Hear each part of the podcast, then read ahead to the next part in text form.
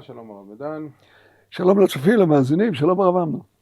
פרשת כי תישא, במרכזה עומד סיפור חטא העגל, ואני רוצה לשאול שאלה מאוד פשוטה.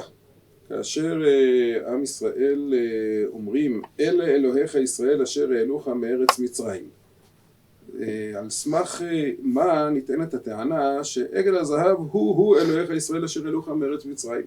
האם ביציאת מצרים העגל הזה היה קיים? הרי הם בנו אותו רק עכשיו. מה בדיוק הכוונה במשפט אל אלוהיך ישראל אשר העלוך מארץ מצרים? כן, שאלה חשובה מאוד, והמפרשים מטפלים בה והם מתחבטים בדבר הזה מאוד. מהיכן פתאום אנחנו מגיעים לעגל. אגב, לא ברור לגמרי שזה עגל אחד, יכול להיות שזה שניים. לא נאמר פה זה אלוהיך, אם כי הדבר הזה נזכר, במקומות אחרים נזכר, אבל כאן אלה אלוהיך, ולא אשר אלך, אלא אשר אלוך.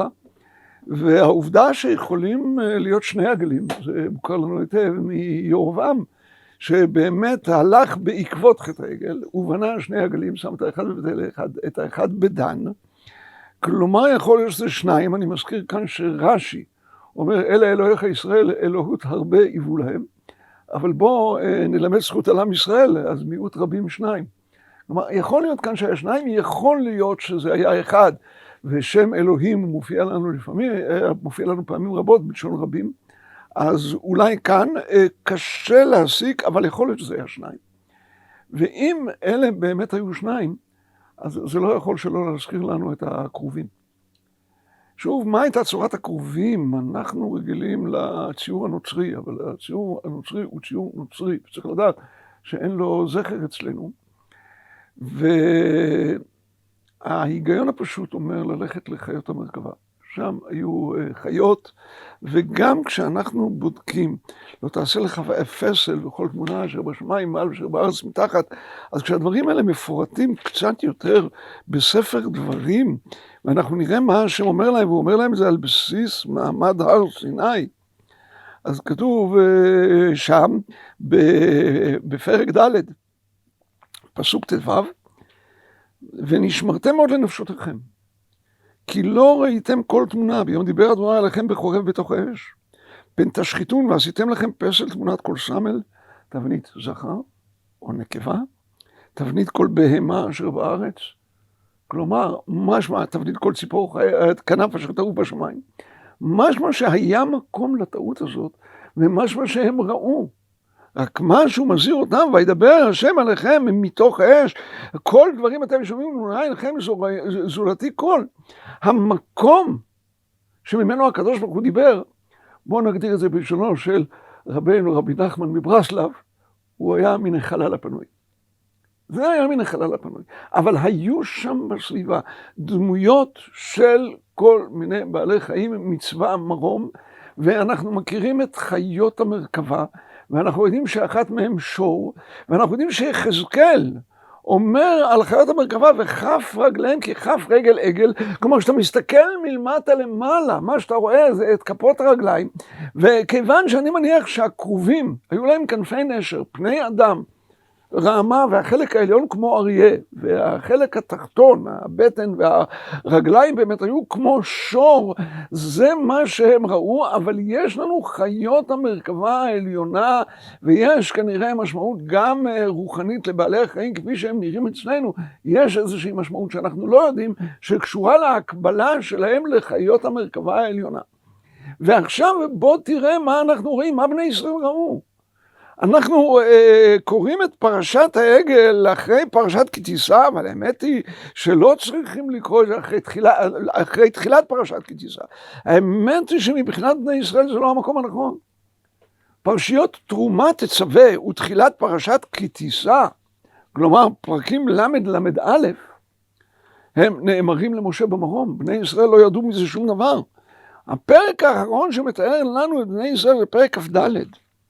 וכך כתוב שם לגבי בני ישראל, הוא מראה כבוד, פרק כ"ד פסוק י"ז, הוא מראה כבוד אדוני כאש אוכלת בראש ההר לעיני בני ישראל. אחר כך כל מה שמופיע ויבוא משה זה כבר דברים שרק משה חווה, עם ישראל לא חווה, הם רואים את כבוד השם כאש אוכלת בראש ההר. והנה פתאום כאן אהרון צר להם בחרת, זורק לתוך האש, ומתוך האש יוצא העגל, והם איפשהו מזהים, הנה זה מה שראינו. הם ראו בסביבה כל מיני דברים, אבל לא זה היה המקום, וזאת משמעות הקרובים. הקרובים השניים. מתארים לנו בעיקר את החלל הפנוי שנמצא ביניהם, ונאמר, ובבוא משה אלוהי אל מועד, וישמע, לדבר איתו, וישמע את הכל מדבר אליו מעל הכפורת אשר על ארון העדות, מבין שני הקרובים. שם נשמע קדוש ברוך הוא ולא רואים כל תמונה. והייתה כאן בהחלט איזושהי החלפה של כבוד השם, של החתן בשושבינים, או במשהו כזה, כגון שנישאת לאחת בעדיה, או כל מיני כאלה דברים, אתה רואה שני עדים עומדים שם בקידושין, ותאר לעצמך שהאישה חושבת שהיא נישאה לאחד העדים. בשום פנים ואופן לא.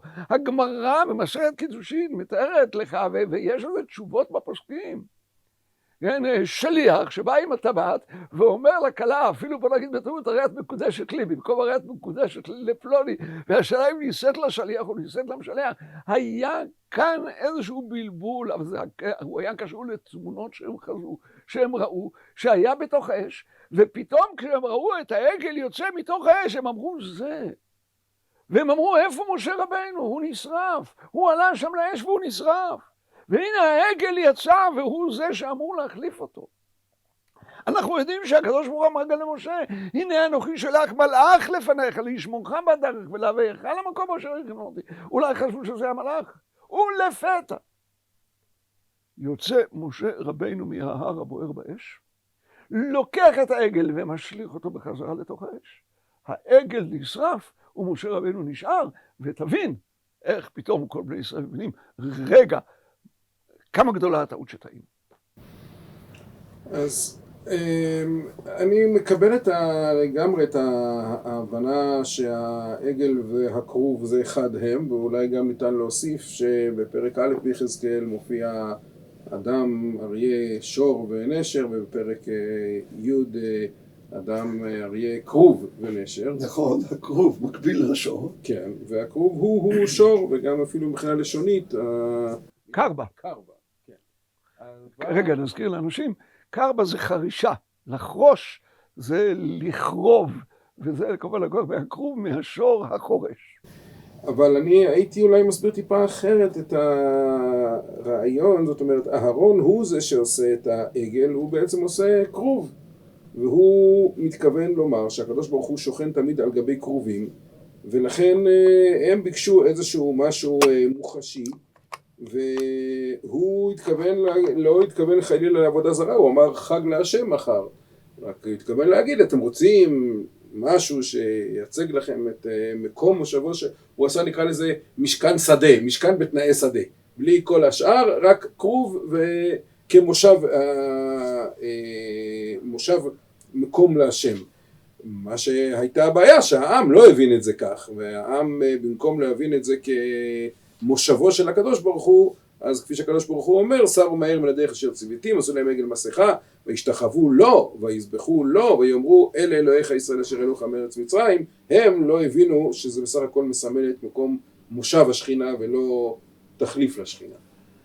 הרמב"ן אומר קרוב לדבריך, וממילא כמובן אני לא יכול לסתור את דבריך, אני מעדיף לומר את מה שעשה אהרון בצורה אחרת. אהרון רק צר אותו בחרת. כלומר, הוא רק שרטט, אולי חתך, אבל הכל היה בתוך גוש האב הגדול. ואז הוא, אני חושב, שמה שהוא אמר לעם ישראל, רגע, הוא יכול להיות במקום משה רבנו ולהוביל אתכם. משה רבנו נכנס לתוך, לתוך האש הגדולה בהר סיני. הוא יכול להיכנס. אמרו לו, בוא, ננסה.